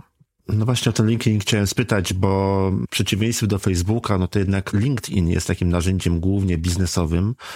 Większość tych treści kierowanych do biznesu, to jednak zauważyłem, przynajmniej z mojego doświadczenia, że tam dużo lepiej, się brzydko wyrażę, żre, tak? Tam to dużo lepiej idzie niż na Facebooku. I właśnie chciałem spytać, czy, czy wykorzystujecie też LinkedIn? No właśnie odpowiedziałaś mi na pytanie, którego nie zdążyłem zadać. Wykorzystujemy. I jeszcze dodam ze swojej perspektywy, że y, patrząc czasami na ruch na stronie, bo podcast zawieszamy na swojej stronie, więc no staramy się na nią kierować, choć oczywiście są na niej te wszystkie przyciski, żeby kto jest miłośnikiem różnych aplikacji podcastowych miał dużą łatwość, żeby tam zajrzeć i sobie subskrybować, gdzie potrzebuje, no ale kierujemy ruch do siebie. No to rzeczywiście odpowiedzi, czyli to żarcie tego LinkedIna jest widoczne w statystykach. Jeżeli mamy treść, która pasuje do grupy odbiorców i ci odbiorcy tam są, to myślę, że to jest bardziej taki zdyscyplinowany elektorat niż na przykład ten facebookowy, jeśli chodzi o wchodzenie gdzieś. Przynajmniej tak jest w naszym przypadku. No bo jakoś ten LinkedIn bardziej się kojarzy z czytaniem tych treści, z takim większym zaangażowaniem. Jak Facebook to bardziej coś, co się po prostu przewija. Przynajmniej taki ja mam obraz tego, jak widzę, jak e, wiele osób korzysta z, z tych mediów społecznościowych. Być może się mylę. Nie wiem, takie jest moje odczucie. Ale to ja jako ciekawostkę mogę dorzucić, że ja ten swój podcast po cichu, który to jest po prostu opowiadaniem jakichś metafor historii, też zdecydowałem się pokazać światu na LinkedInie, choć teoretycznie ten content, mówiąc po staropolsku, jest no nie biznesowy.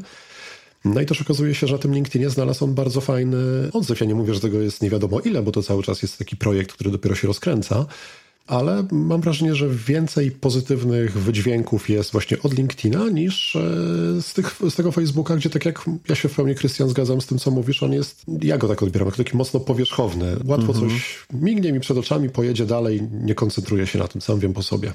Maciek, jaki ty masz mikrofon? Strasznie męczy, bo widzę w kamerce kawałeczek tylko mikrofonu. Co to jest za sprzęt? Co, czekam, Amerykański. Się przy nim rozejrzeć. Shure MV51. Full wypas. Musieliśmy się wymienić na mikrofony ze względu na to, że jednak mam niższy głos niż Ania. I teraz właśnie -hmm. oswajam nową zabawkę. Jeszcze dokładnie nie wiem, jak to sobie tutaj wszystko poustawiać. Poczytam sobie potem o nim, bo nie miałem okazji korzystać. Wygląda super. Prezentuje się rewelacyjnie. Wiesz co, tak, no wygląda fajnie, ma też tutaj dużo regulacji z przodu dla mnie, gdybym coś chciał na szybko zmienić, jeszcze nie do końca to, to, to mm. używam, więc y, potencjał ma, pewnie go jeszcze nie, nie wykorzystuję, ale wszystko przyjdzie z czasem. I ma też odsłuch swój własny, wiesz, więc taki jest jak zwrot nas w studio. To jest też ważne. Opowiedzieliśmy dużo o historiach, o opowiadaniu tych historii, o prezentacjach, o podcaście, to teraz powiedzcie, gdzie te wasze historie i gdzie ten wasz podcast można znaleźć. Zapraszamy na naszą stronę opowiedz.to w zakładce podcast. Co dwa tygodnie w każdą środę pojawia się nowy, kolejny, mamy przekonanie wartościowy y, odcinek. Krótko potem pojawia się również transkrypcja dla tych, którzy wolą poczytać i y, doczytać. No i można nas y, zasubskrybować na każdej platformie podcastowej i tam słuchać do czego zapraszamy, zwłaszcza wtedy, jeżeli mówisz do ludzi i chcesz to robić dla ludzi po ludzku. No, myślę, że większość podcasterów, y, nie tylko osób, które prezentują się na scenie, ale też i podcasterów, też osób, które nagrywają jakieś kursy online, jakieś szkolenia online, czy webinary online. Myślę, że te wszystkie osoby w pewnym sensie są, albo przynajmniej powinny być zainteresowane rozwojem tutaj w tym zakresie, o którym wy opowiadacie. Ja osobiście mogę powiedzieć ze swojej strony, nie słuchałem wszystkich podcastów e, waszej produkcji, jeszcze nie miałem czasu wysłuchać wszystkich odcinków, ale ja z wieloma podcastami mam ogromne zaległości i, i są twórcy, których nie słuchałem podcastów z ostatniego roku, bo jeszcze nie było czasu bo tego też jest całkiem sporo.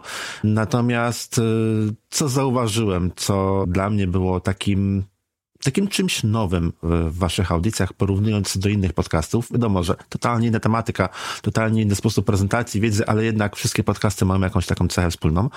To właśnie ten was taki totalny luz i wasze podejście do tego, co mówicie. Słychać w waszych nagraniach ten dystans do was, do tematów, o których mówicie i słychać, że, że robicie to faktycznie i z dowcipem, z humorem. No i tak, tak, tak fajnie. Mi się to podoba. Ja tak lubię w każdym razie. To super, to ja bardzo Ci za to dziękuję, bo to jest dla mnie szalenie ważna informacja zwrotna, bo jak dzisiaj sobie mm, rozmawiamy, to myślę sobie, no nie znamy się, ale czuję, że mamy y, ciut inną energię, Ty i ja. A jeżeli mhm. odczuwasz y, i odbierasz te nasze odcinki właśnie w ten sposób, no to mnie to ogromnie cieszy, bo to jest dokładnie y, to, jak ja chcę, żeby ta nasza praca była interpretowana i czuta przez ludzi, chociaż wiem, że takie słowo nie istnieje. Czego wam życzyć? Po 30 odcinkach na kolejne 30 odcinków? Myślę, że standardowo jak chyba wszystkim podcasterom wytrwałości, bo to, to, to, to myślę, że Krystian, ty wiesz najlepiej, a my też już wiemy po roku, że to naprawdę Wiem. jest wyzwanie, nie? żeby utrzymać. Wiem. Więc tego, tego Oj, dla mnie to jest straszny problem. No więc się dzielimy. Dzielimy tobie, to, tobie my też. Jeżeli ktoś nam chce dobrze życzyć, to też poprosimy o tą, o tą wytrwałość. Myślę, że to będzie najważniejsze to już załatwi sprawę. No i pewnie jak wszyscy, którzy robią coś, co jest z obszarów około kreatywnych, to żeby gdzieś te pomysły spływały. No ileż można stać pod prysznicem, ja tam wpadam na pomysły, ale już rachunki za wodę są zabójcze. Więc no nie, niech to się odbywa jakoś płynnie, a niekoniecznie podczas sześciogodzinnego prysznica, no bo to można zbankrutować. To musisz częściej wychodzić z psem na spacer. Może w parku ci jakieś pomysły padną do głowy. No, widzisz, Masz no, nie, nie, ale przecież nie przeszkadza zawsze no to widzisz, no to wszystko przed tobą. Zawsze, zawsze pamiętam, że jak się imprezy kończyły, to zawsze było hasło, że idziemy z psem na spacer, to się kończyło kupowaniem kolejnego piwa w sklepie, więc to może być metaforyczne wyjście z psem, jak rozumiem. Ale no to tak, no będę też szukał w parku w takim razie. Także wytrwałości i pomysłów, to, to mi przychodzi do głowy. To w takim razie wytrwałości i pomysłów wam życzę i dziękuję wam bardzo za dzisiejsze, wow, już półtorej godziny. O, poleciało szybko. rozmowy. Poleciało szybko. Bardzo. Teraz spojrzałem na zegarek. Aha. Będzie co montować. Duże wyzwanie przede mną. Nauczyć się wykorzystywać elementy storytellingu opowieści, narracji, e, w tworzeniu własnych treści, w tworzeniu własnych filmów, własnych podcastów. Moimi gośćmi byli Anna Kędzierska i Maciej Ciechocki. Z podcastu Opowiedz to znajdziesz ich na stronie opowiedz.to. Jest jeszcze kilka adresów, które chciałbym Ci teraz na koniec przypomnieć. Po pierwsze, wszystkie odcinki podcastu, moje filmy instruktażowe, artykuły znajdziesz na stronie jakzrobićpodcast.pl. Jeżeli nie masz jeszcze własnego podcastu, a chcesz taki podcast zacząć nagrywać, zapraszam do skorzystania z mojego kursu, który znajdziesz na stronie akademiapodcastera.pl. Natomiast jeżeli masz już swoją audycję i chcesz pomóc swoim słuchaczom dotrzeć do Twojej audycji, skorzystaj z moich całkowicie bezpłatnych filmów, które możesz w dowolny sposób udostępniać u siebie na stronie, które mówią o tym, jak słuchać podcastów. I znajdzie się na stronie jaksłuchać.podcastów.pl. Zapraszam i do usłyszenia. Dziękujemy bardzo, do usłyszenia. Dziękujemy i do usłyszenia.